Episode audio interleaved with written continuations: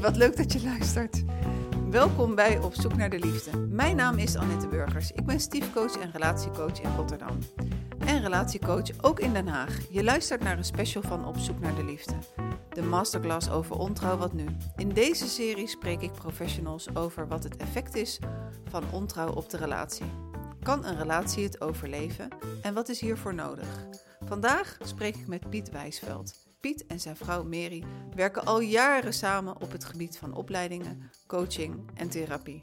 En Piet heeft al ontzettend veel boeken op zijn naam staan. Ik vind het een eer dat je mijn gast bent. Welkom, Piet. Dankjewel. Piet, om uh, met de deur in huis te vallen, wat betekent liefde en liefdesenergie voor jou? Liefde is het verlangen naar eenheid. Um, dat is een uh, diefstal van Augustinus, die liefde definieerde als eenheid. En het is van alle omschrijvingen van liefde, want liefde laat zichzelf niet definiëren, het laat zich slechts omschrijven. Uh, maar van alle uh, dingen die je erover kunt zeggen, die het meest in de buurt komen, vind ik toch wel die, woord van, die woorden van Augustinus heel erg raak. Dus liefde is de zoektocht, de innerlijke zoektocht van lichaam, geest en ziel naar eenheid. Um, liefdesenergie is de energie die we in ons systeem ontwikkelen om tot die eenheidservaringen te komen. Uh, in mijn werk spreek ik heel vaak over werken met liefdesenergie. En uh, en eh, ja, wat we daarin zoeken om te doen, is uh, in iedere ontmoeting die je aangaat als begeleider of als trainer of als coach, uh, in iedere ontmoeting opnieuw het contact met die andere mens zo intens en zo als het ware direct op de huid te maken, dat het uh, zijn volle, uh, dat zijn volle resultaat kan krijgen, zijn volle effect kan hebben in de ontmoeting. Um, en dat is op zichzelf een helende kracht. Dus werken met, werken met liefdesenergie is meer dan alleen maar vakmatigheid in die zin, maar het is ook een hele directe persoonlijke betrokkenheid en persoonlijke aanraking. Nou, dat is werken met liefdesenergie. Mm En uh, als ik het goed begrepen heb, zijn jij en je vrouw al heel lang samen. Geven jullie ook de opleidingen samen? Uh, mag ik je vragen, hoe was jullie ontmoeting ooit? Was het ook zo'n liefdesenergievolle ontmoeting? Wij kennen elkaar heel lang. Ik was uh, eh, 19 en Mar was 17 toen we elkaar leerden kennen. En het, ik, ik, het was in die tijd dat uh, ik helemaal stapelgek op haar was. Uh, en dat zij mij eigenlijk met grote aarzeling uh, op zich af zag komen, zeg maar. En dus zeg maar het eerste halfjaar van onze relatie is het zo'n soort spannende toestand geweest van is het iets of wordt het wat? En toen op een gegeven moment, zo deed, zo deed maar dat en zo doet ze het nog wel eens, draaiden ze de knop om en toen was het echt 100% ja tegenover elkaar. En vanaf dat moment hebben we, uh, nou, ja, dat klinkt misschien, uh, misschien wat overdreven, maar hebben we echt een fantastische relatie samen. En is het een vreugd uh, om, om bij elkaar te zijn. En nou overdrijven we dat misschien een beetje, want we werken en we leven met elkaar en we we vieren onze vakanties met elkaar. Dus ja, we delen werkelijk ons leven in hele hoge mate. En wat is dan daarin de, de, de grootste tip? Hoe krijg je dat voor elkaar zo ontzettend lang? Met alle fases die je doormaakt natuurlijk in, uh, in zo'n periode. Motoronderhoud. En wat bedoel je met motoronderhoud? Nou ja, in ons werk, uh, in trainingen zeg ik heel vaak tegen mensen: Het is toch wonderlijk hè, als je een uh, auto hebt dan uh, uh, een beetje autoliefhebber, die wast hem toch één keer per week. die geeft hem toch poetst hem geregeld op. Die geeft hem toch voortdurend een kleine beurt in de garage. En die geeft hem regelmatig ook nog een keer zijn grote beurt. En, en dan gaat zo'n ding lang mee. En voor een relatie is het eigenlijk niet anders. Hè? Dus de discipline om werkelijk onderhoud te plegen op je relatie. En we noemen het steeds zeg maar gewoon het dagelijks onderhoud, de kleine beurt en de grote beurt. Zorg ervoor dat je dat doet mhm. ten aanzien van elkaar. En, ehm, en natuurlijk, uh, onze relatie als iedere relatie kent zijn dieptepunten, zijn stormen, zijn, uh, zijn worstelingen. Maar het is wel een pad van vreugde daardoor. Mhm. En wat ik in mijn werk meemaak, bijna altijd, als het misloopt in relaties, is een van de belangrijkste redenen gebrek aan onderhoud. Uh, de ander, de relatie wordt vanzelfsprekend. En de betrokkenen die vallen in slaap. Verwaarlozen daarmee de investering in de relatie. En dat gaat zo sluipenderwijs. Het bekende uh, uh, verhaal van de sprookjes, hè, met dat wonderlijke slotzinnetje. Van ze leefden nog lang en gelukkig. In plaats van, en toen begon het gedonder pas. Mm nou ja, om een of andere merkwaardige reden zie ik om me heen dat mensen dus zeg, zeg maar vaak nonchalant worden ten aanzien van hun eigen onderhoud. Mm Zo. Mm. Maar nu, uh, toen jij 19 was, deed je vast nog niet het werk van nu. Dus waar, waar is op een gegeven moment voor jou ehm, ja, de verandering gekomen in je leven, waardoor je steeds meer hier bent op gaan toeleggen. Volgens mij is het een soort van, van missie, het is een levenswerk. Je hebt zoveel boeken geschreven. Uh, wat, wat was daarin het, het sleutelmoment? Nou, uh, toen ik uh, eh, 19 was, toen ja, was ik eigenlijk een, een zwerver. die al heel lang niet meer, niet meer een huis had. Eh, die links en rechts geweest is en van alles heeft gedaan en uitgespookt. Er was niet zoveel, er was niet zoveel van, mij, van mij over op dat moment. En toen ik maar leerde kennen, toen was zij, toen was zij werkelijk de, de, de reddingsboei waaraan ik me vast, vastgreep. Mm en, en dus de, de achtergrond van van aan de zijkant van het leven staan. Die heb ik. En toen zo langzamerhand mijn leven wat meer op de rails kwam te staan, is eigenlijk altijd mijn betrokkenheid geweest van een steuntje te zijn voor mensen die wat meer, wat meer aan de schaduwkant van de maatschappij staan. Mhm. En dat, heeft, dat zeg maar toen ik in het onderwijs ging werken, toen was dat ook werkelijk de, de, de, idee van waaruit ik werkte. Hè? De, de zwakkere de leerlingen die het minder goed hadden. Ehm, en later toen dus het vak maatschappijleer kwam, was dat natuurlijk ook het vakgebied waar ik me meteen opstortte. Want dat gaf me nog meer kans mm om een steuntje te zijn voor mensen. En datzelfde heb ik later gedaan toen leerlingbegeleiding en schooldecanaat zich in het onderwijs ontwikkelde. Uh, en nog weer later natuurlijk toen uh, ik samen met Wiebe Veema's Phoenix uh, op de rails zette. En dat nog weer later in het werk wat ik samen met Marie ben gaan doen. het is steeds gericht op, geweest op ja, mensen ondersteunen om iets, om iets moois van hun leven te maken. Dus dat, ja, als je het een missie noemt, dat was de missie, dat is de missie. En daaruit is dus het hele concept van werken met liefdesenergie uh, uiteindelijk ook geboren en heeft daarin zijn diepgang gekregen. Dus dat is het verhaal. En uh, ik zei net al, je hebt heel veel boeken geschreven, liggen hier ook heel veel uh, boeken om ons heen. Is er nog een boek in de pijplijn? Ja. ja, er is nog eentje in de pijplijn. en kan je verklappen waar het over gaat? dat gaat over loslaten. Mm. En dat heeft natuurlijk te maken met, uh, de fase van het leven waar wij nu in zitten.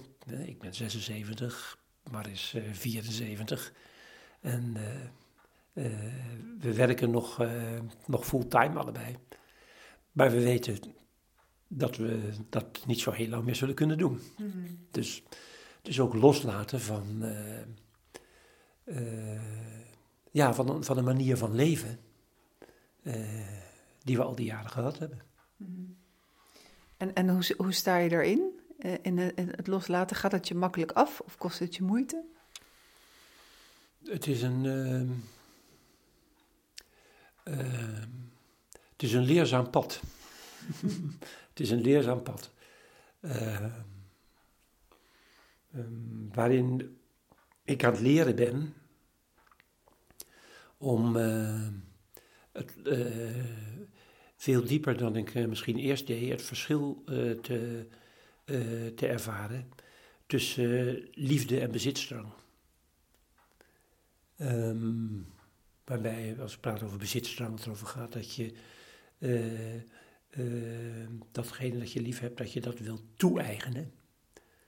In plaats van uh, datgene dat je lief hebt, dat je, het, dat je het wil bewonderen, dat je het wil laten zijn. Mm-hmm. En uh, dat wist ik wel eerder volgens het boekje, zeg maar. Maar in deze fase en in dit leerproces, ja, komt dat heel erg aan den lijve. Mm-hmm. En ja, dat verrijkt het leerproces wel. Dat is gelijk een mooi bruggetje, Piet, naar, uh, het, om terug te gaan naar de relaties. En uh, hoe relaties opgebouwd worden en uh, waardoor misschien ook ontrouw ontstaat of, of hoe dat in elkaar zit. In een van je boeken heb je het over de wetten van de liefde. kan je daar iets over vertellen? Wat zijn de wetten van de liefde? Wat, wat, wat, wat, wat zijn dat? Waar, waar, en waarvoor dienen ze? De wetten van de liefde, dat, je moet natuurlijk heel voorzichtig zijn met, met gebruik van het woord wetten. Hè? Omdat uh, bij wetten staat er meteen iets, uh, voor heel veel mensen meteen iets strengs. Zo moet het en niet anders. Hè? En als je je niet aan de wet houdt, ben je een wetsovertreding.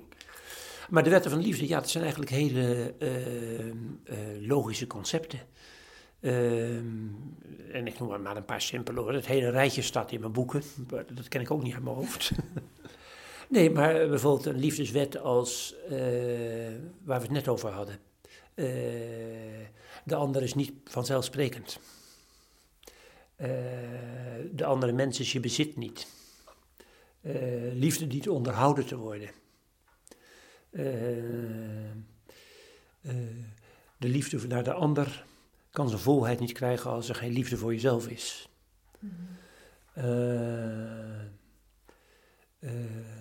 liefde, uh, uh, liefde en strijd uh, horen bij elkaar.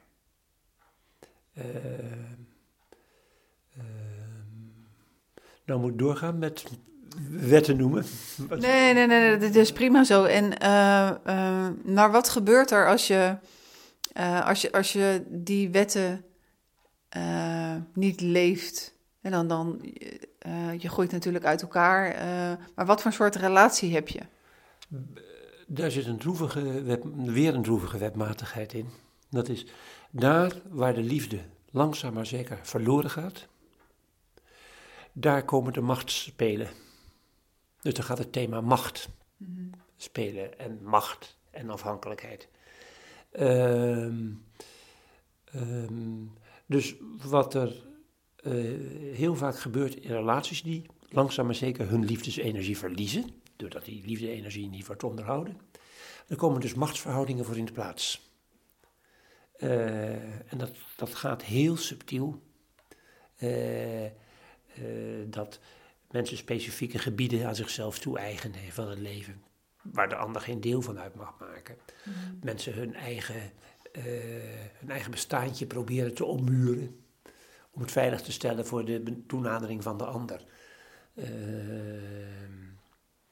uh, dat mensen uh, zichzelf ontrouw worden en daarmee het onderhouden van de relatie onmogelijk maken. Mm Nou, het zijn allemaal vormen van machtspelen die opdoemen wanneer de liefdesenergie uit de relatie verloren gaat. En dat zie je altijd weer. En zo'n voorbeeld is dan natuurlijk ook als de een of de ander uh, ontrouw pleegt. Uh, als er een koppel komt bij jou waarbij uh, er sprake is van ontrouw, hoe ga je daarmee aan de slag? um, dat wisselt nog wel eens, omdat ontrouw een veel te globaal woord is. dus voordat ik de vraag antwoord van hoe ga ik daarmee aan de slag, mm -hmm. voordat je aan de slag gaat, is het uh, van belang dat je je diagnostiek een beetje helder hebt over waar je mee aan de slag gaat. En uh, als je dan kijkt naar het begrip ontrouw, uh, dan zou je er goed aan doen om eerst het begrip eens eventjes te definiëren. Wat is ontrouw? Piet, wat is ontrouw voor jou? ontrouw is voor mij ehm, dat je jezelf en de ander verlogent. Dat is ontrouw. Ja, en, uh, en, en ontrouw is dus iets heel anders in wezen dan vreemdgaan. Of dan uh, relaties met, uh, in, in andere vormen hebben dan in een echtpaar. Mm-hmm. ontrouw is. Uh, is, een, is een woord waar zoveel veroordeling op zit. En uh, naarmate ik langer in het werk zit, en dat is best een poosje, uh, uh, denk ik dat we er heel goed aan doen om eens heel kritisch naar die veroordeling te kijken. Als je mensen binnenkrijgt die het hebben over ontrouw, dus, en dan bedoelen ze heel vaak dat een van de partners is vreemd gegaan. -hmm. Of dat beide partners op afspraak vreemd zijn gegaan, of dat ze uh, uh, een relatie hebben met een ander stel, of dat, dat, dat, dat, dat er, uh, dat er toestanden met swingers zijn, dan gaan ze maar door. Ehm, ja, weet je, ehm, dat is op zich geen ontrouw. Ik zeg, ik zeg heel vaak tegen mensen om, als, we, als ze beginnen met, zo'n vraag, zeg ik, uh, zeg, ik, uh, uh, zeg ik heel vaak van, ik ken uit mijn ervaring niet of nauwelijks stellen die geen ervaring hebben met vrije buiten de deur. En ik ken echt heel wat mensen en heel wat stellen. En ik weet tegelijkertijd dat al die mensen helemaal niet slecht zijn of uh, uh, dingen, dingen doen waarvan je zou kunnen, ook maar kunnen aanmatigen om daar een veroordeling op uit te spreken. Mm-hmm. en, en dat principe van als je het hebt in die zin over ontrouw en we halen de schuldlading van het woord af, dan uh, kun je eens beginnen met te constateren dat ontrouw een heel algemeen voortkomend fenomeen is. Heel algemeen voortkomend. Waar maatschappelijk gezien zoveel veroordeling op zit. Dat de meeste mensen het gesprek daarover vermijden. Mm. En uh, waardoor het ook heel moeilijk te verkennen wordt. Hoe komt dan, denk je trouwens, dat er zoveel veroordeling op zit in de maatschappij? Omdat heel veel mensen liefde en levensverzekering door elkaar halen. Mm. Dus heel veel mensen hebben op een of andere manier beschouwen ze de liefdesrelatie als een, uh, een veiligheidsstelling van de toekomst. Een verzekering voor de toekomst. En we weten allemaal, allemaal wel dat het zo niet werkt. Maar ergens diep van binnen doen we het toch heel vaak. Uh, dus, en dan natuurlijk op een moment dat uh, er dan sprake is van vrijages buiten de relatie. Ja, dan voelen mensen zich bedreigd, want hun levensverzekering is bedreigd. Mm-hmm. En uh, bedreigde mensen worden bang. En bange mensen worden soms niet aardiger. Dus dan komt er nogal wat strijd los vaak. Mm-hmm. En dat zijn allemaal dingen die het heel moeilijk maken om, uh, ontrouw op een gezonde manier bespreekbaar te maken, zodat de relatie er ook beter van kan worden. Zo. Eh, dit was het, het begin, hè, want als antwoord op mijn vraag van er komt een koppel bij je en, eh, en daar is sprake van ontrouw gedefinieerd met, nou ja, uiteindelijk blijkt dat, dat de man vreemd gegaan is. Ehm, Of de vrouw. of de vrouw. Ja, als we hem even een voorbeeld nemen van eh, de man. Ik zeg niet dat vrouwen dat helemaal nooit doen, integendeel, denk ik. Dus kijk, meestal hebben ze daar ook een vrouw voor nodig hoor. Ja, dus, precies. Ja. Eh, en eh, nou ja, het blijkt dan hè, in, in de casus eh, van de mensen die dan tegenover jou zitten, dat, eh, dat de man in dit geval eh, vreemd gegaan is. Eh, dat er ontzettend veel woede is bij de vrouw. Eh, ehm, inderdaad, hè, de schuld en de onschuld, de slachtoffer en de dader. Ehm, hoe, hoe neem je dat, eh, dat, dat, dat stukje weg om dan te kunnen gaan werken in, eh, zoals je net omschreef? nou, soms is het in dit geval, hè, de man gaat vreemd en de vrouw, ja, het komt wel eens een andere keer andersom voor me. Maar, maar de man is vreemd gegaan en de vrouw is, is woedend. Dan is vaak een hele nuttige vraag aan de vrouw. Hoe heb jij ervoor gezorgd dat hij vreemd ging? Dan denk ik dat ze nog woedender wordt. Ja, maar dan gaat ze ook nadenken.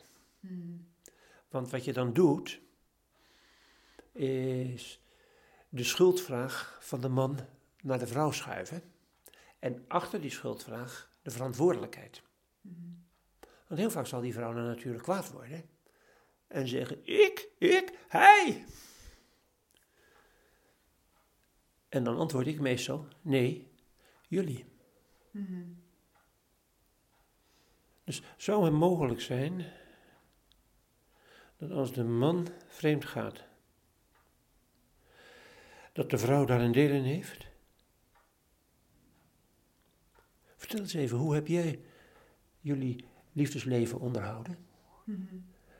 Hoe heb jij genoten van je man in bed? Hoe heb je je man het genot geschund? Hoe open zijn jullie geweest in jullie gesprekken over liefde en over jullie eigen seksualiteit? Wat had er besproken moeten worden wat jullie allemaal niet besproken hebben?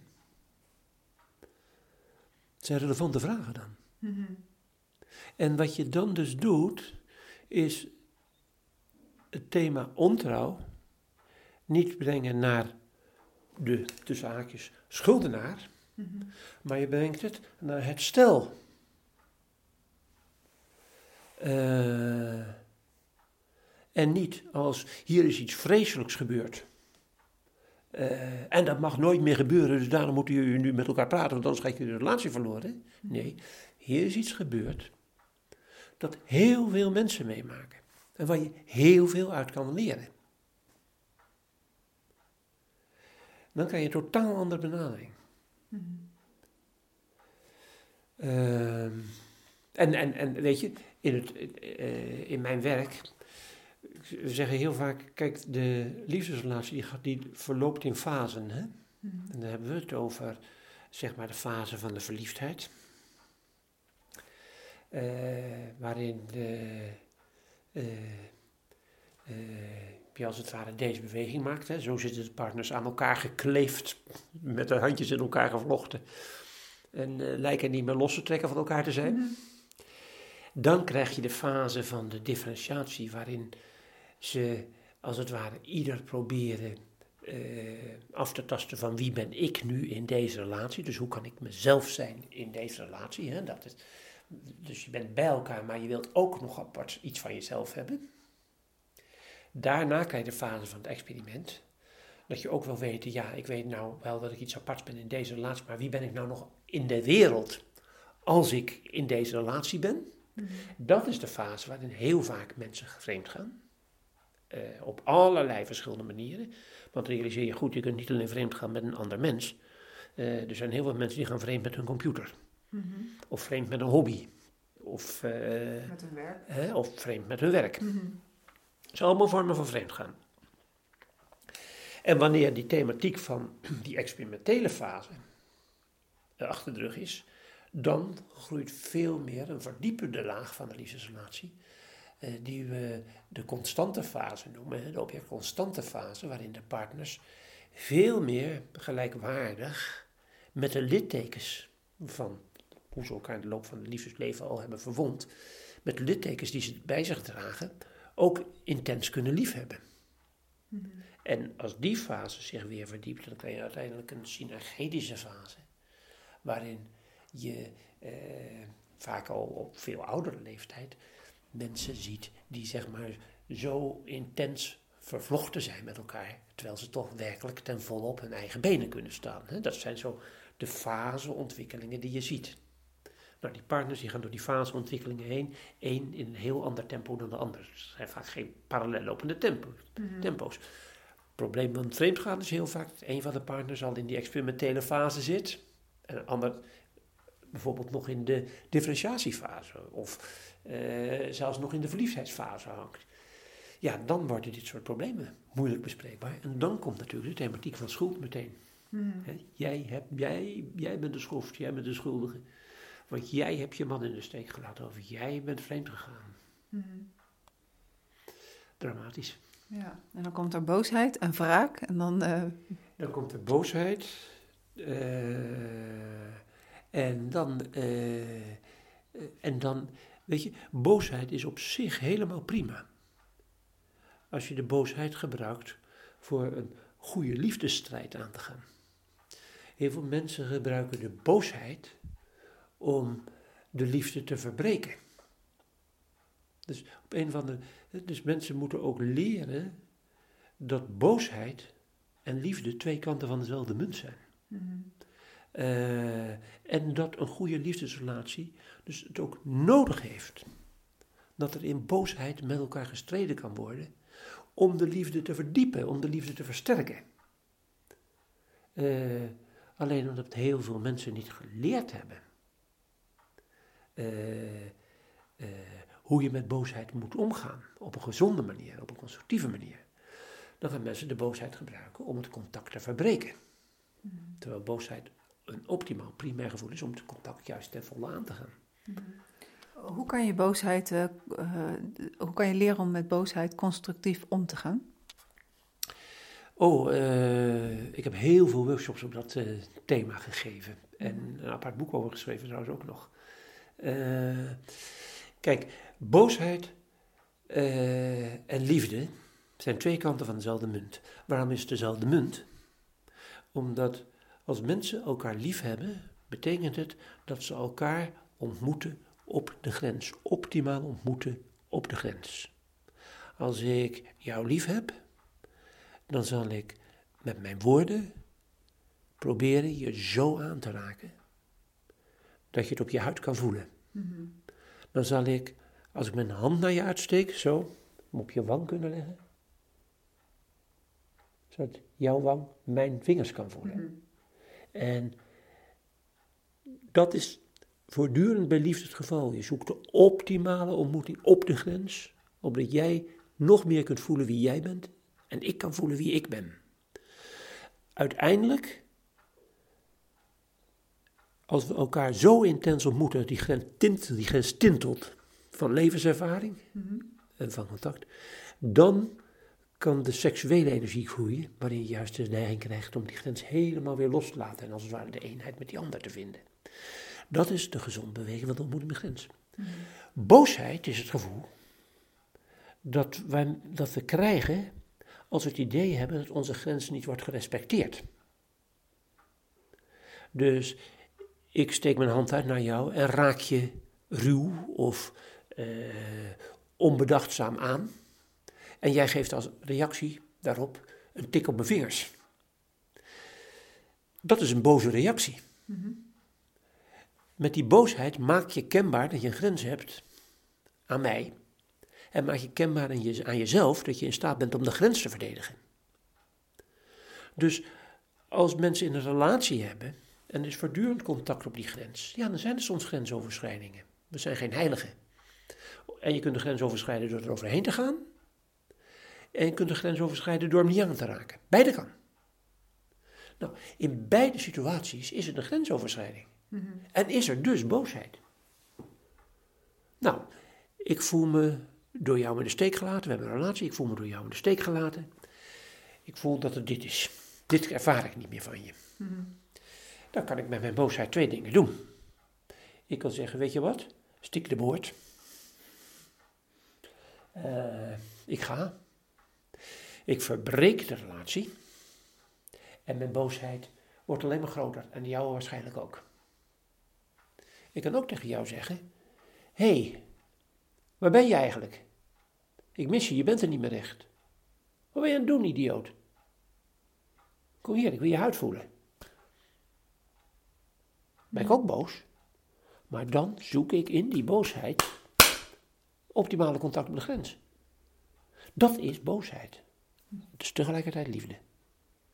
Nou, in heel veel relaties kennen de partners dat principe eigenlijk gewoon niet. En dus worden ze boos en maken ze alle, ja, begaan ze alle fouten die mensen maken die niet weten waar boosheid voor bestemd is. En een van de meest bekend voorkomende is relatie verbreken. Of het andere dramatische, wraak nemen. Van geen van beide worden we veel wijzer. Mm. Nou, dat probeer ik mensen te leren. Mm. En wat, wat, is voor jou, uh, volgens jou, uh, de rol van de derde in, in zo'n spel als het gaat om vreemdgaan? De rol van de derde uh, is niet anders dan de rol van de tweede, schat ik. Mm. Dus op het moment dat mensen buiten de echtelijke relatie een relatie met een derde aangaan, die al of niet in een relatie staat, mm-hmm. hm? uh, dan zijn ze beide bezig uit te vinden wie ze werkelijk zijn. En het kan wezen uh, dat, ik neem maar even je voorbeeld van die vreemdgaande man. het is ons noodlot. het kan wezen hè, dat een man vreemd gaat met, een, met iemand die nog helemaal niet in de ervaring met relaties heeft. Hè? Dus, dus uh, die ook niet kan overzien wat daar gebeurt. Heel vaak gaat een man vreemd, natuurlijk met een andere vrouw die ook al lang een relatie heeft. En ze beiden, ieder op hun eigen niveau, hun eigen proces aan het, afscharrelen, aan het uitscharrelen zijn met experimenteren. Mm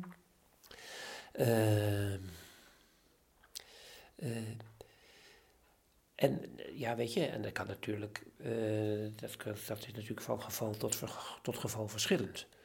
Uh, het kan natuurlijk wezen dat partners voor het, het, het vreemdgaan ook andere motieven hebben dan alleen deze basale psychologische beweging. Mm. dat, kan, dat kan natuurlijk allerlei machtsthematiek kan daar een rol in spelen. Ehm, ja, dat heb je aan, er zijn natuurlijk daarvoor geen algemeen geldende regels. Dus dat heb je als je met mensen werkt na te vragen. Mhm. En ze te laten uitvinden, want ze beseffen het vaak, vaak zelf ook niet. Nee, precies. Dus door te kijken, wat, wat, wat haal ik daar eigenlijk? Wat, wat mis ik in mijn relatie en wat haal ik daar? Ja, uh, dat kan 1 en 1 2 zijn. Ja, dat kan 1 en 1 2 zijn. En, uh, uh, en ook weer daarin je realiseren, als je dat doet, als je dat werk benadert, met een oordeel in je achterhoofd. Dan zal je als begeleider waarschijnlijk schade aanrichten. Want je maakt schuld. Je brengt schuld. En uh, de partners hebben al voldoende aan de schuld die ze onderling ervaren. Die hoeven daar die van de begeleider niet nog een keer bij te halen. Uh, zo. Mm -hmm. En wat maakt nou dat uh, in het geval uh, waar we het over hebben, de casus, de man gaat vreemd, de vrouw uit haar woede eigenlijk meer op de derde persoon, dus op die andere vrouw, dan op haar eigen partner? Wat ligt daar aan ten grondslag?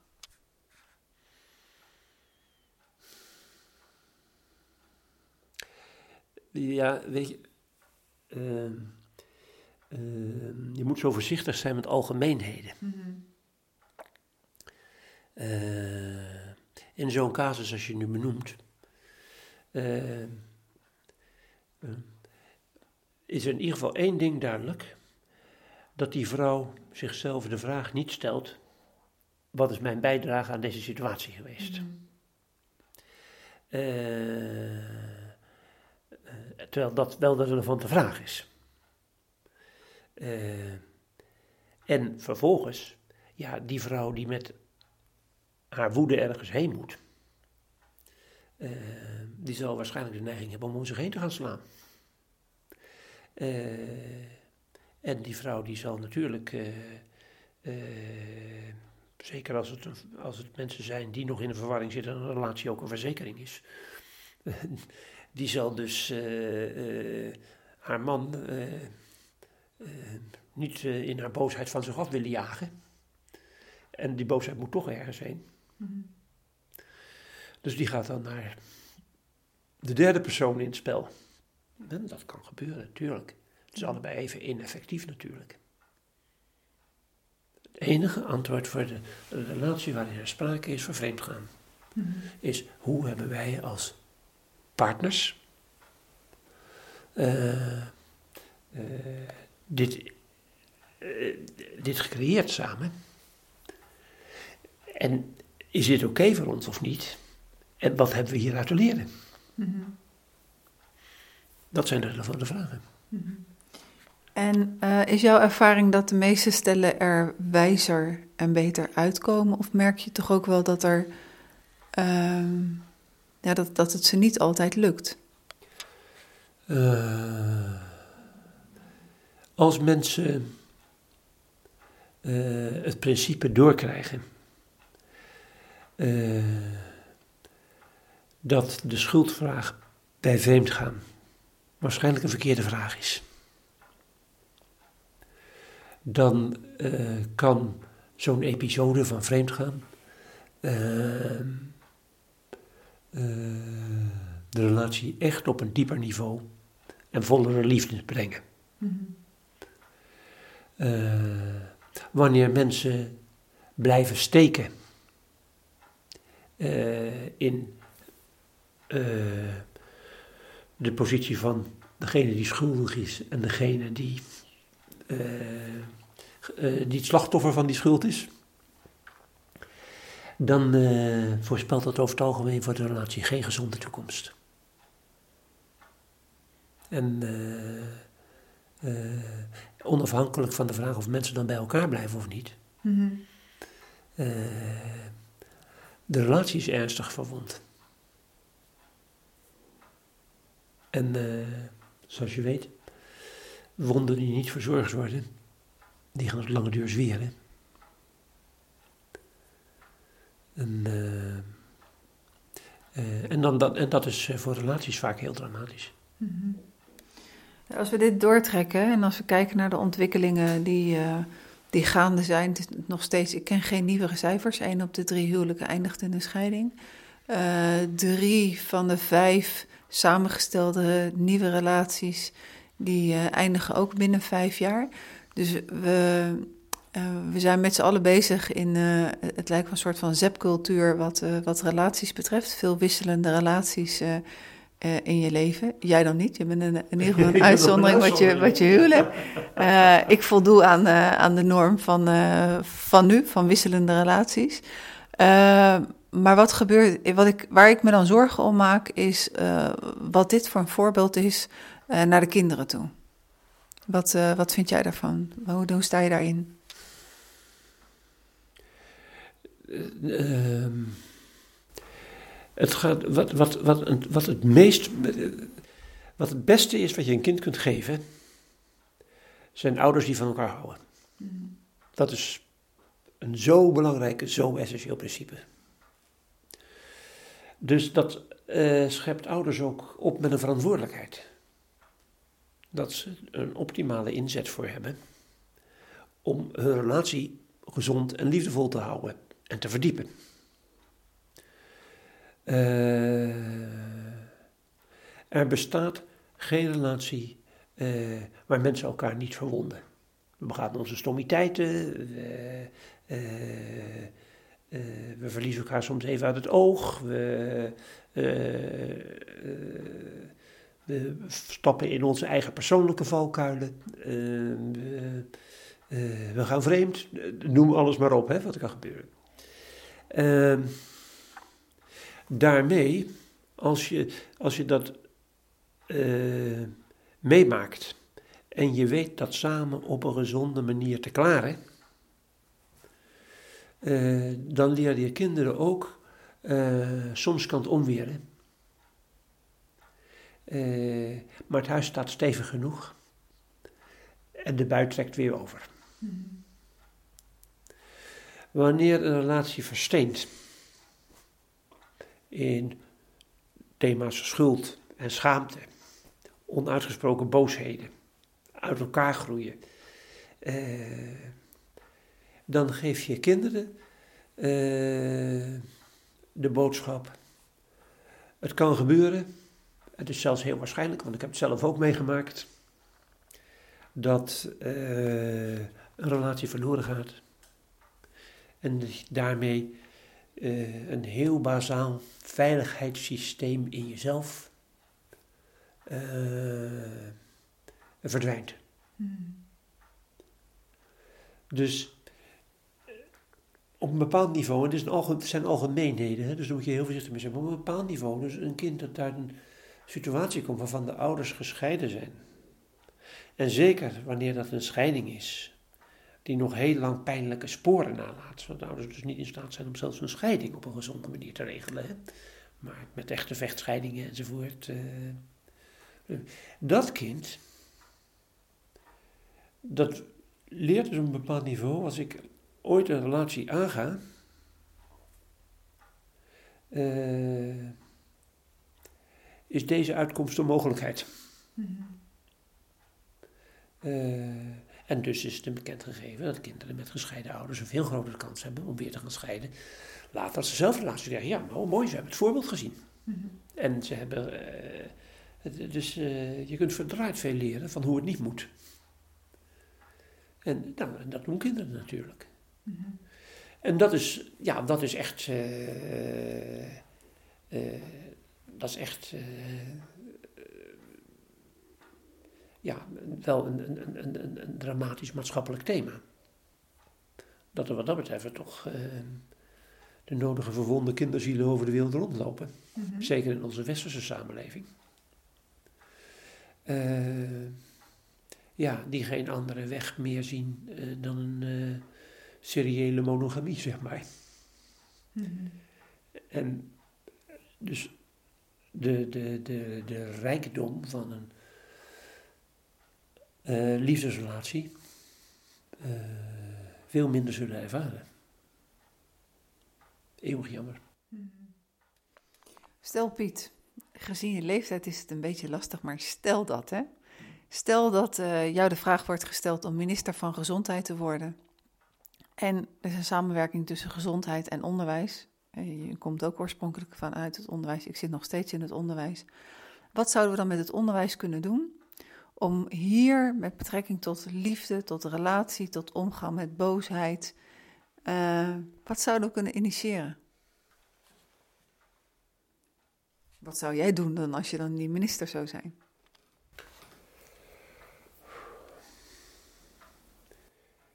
Ik zou. Godzijdank ben ik het niet, hè? Dat, uh, nou, dat even wat voor afzet. maar. Uh, ik zou me af gaan vragen: van hoe kan ik er nou voor zorgen dat er liefdevolle leraren voor de klas komen te staan. En daarmee zeg ik niet dat er niet heel veel liefdevolle leraren voor de klas staan. Mm Daarmee zeg ik wel dat maar heel weinig uh, volwassenen eh, hebben geleerd over liefde, zo in de termen van de dingen die we nu bespreken. Mm heel weinig volwassenen weten wat liefde is. Ze hebben het er wel over. En ze ervaren het soms ook wel.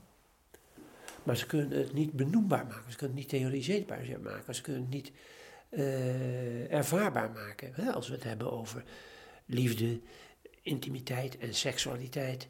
eh, de energie van eenheid, de aanraking van de grens, het opkomen voor de grenzen, bewustwording van je eigen grenservaringen, van je eigen identiteit, van wie jij bent in de ontmoeting met de ander, van hoe, je, hoe die ontmoeting je kan verrijken, hoe die ontmoeting je kan voeden. Al die thematieken, eh, die zijn, ja, die zijn eh, in onderwijs toch relatief onbekend.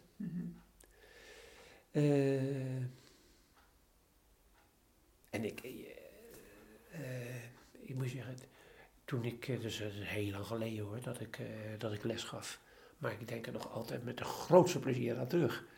Van, ik heb een wondermooie tijd gevonden. En ik vond het echt geweldig om met, met kinderen te werken over eh, eh, wat is nou de grens en hoe oriënteer je de grens en wat is contact op de grens en hoe kun je voeding halen uit dat contact en hoe kun je nou al die dingen zijn heel goed natuurlijk eh, eh, ervaarbaar. En dat hoef je helemaal niet een apart vak van te maken.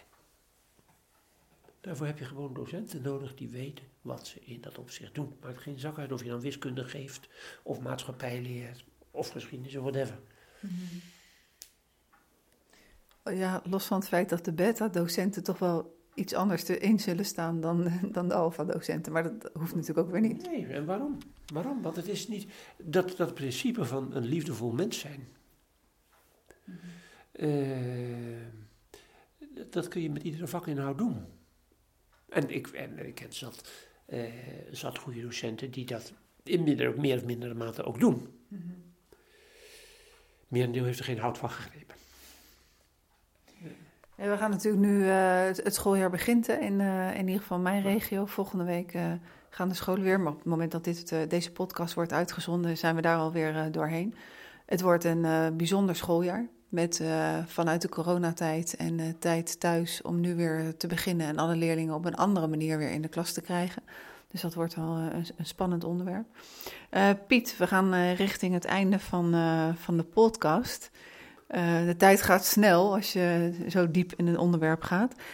Met, de betrek, met betrekking tot de, het onderwerp wat we besproken hebben, relaties, ontrouw, vreemdgaan, boosheid. Is er een vraag die ik je niet gesteld heb, waar je toch nog graag antwoord op zou willen geven?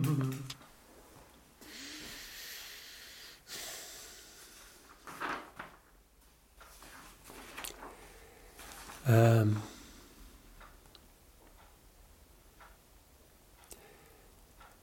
wat je me niet gevraagd hebt, is wat is het uiteindelijke geschenk van liefde? Wil je daar het antwoord ook op geven?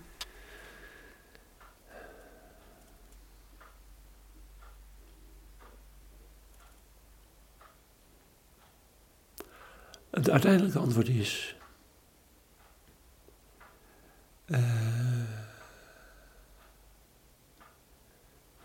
dat je eh, het uiteindelijke geschenk van liefde is. Dat je vreemde vindt, vrede vindt in het loslaten.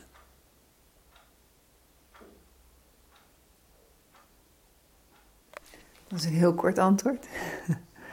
maar eh, de kern, denk ik, hè? Denk ik ook. Piet, van harte bedankt voor, eh, voor dit gesprek. Een heel, eh, een heel mooi, waardevol eh, moment voor mij in ieder geval. Super bedankt. Heel graag gedaan. Je luisterde naar Piet Wijsveld. Wil je meer weten over Piet? Zoek dan pietwijsveld.nl.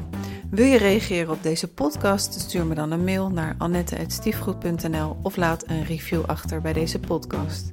Met dank aan Piet voor deze aflevering. Ontrouw wat nu in deze masterclass-serie. En jij bedankt voor het luisteren. Fijn dat je erbij was. Over twee weken is er weer een special over ontrouw van Op zoek naar de liefde. Luister je dan ook weer? Tot dan.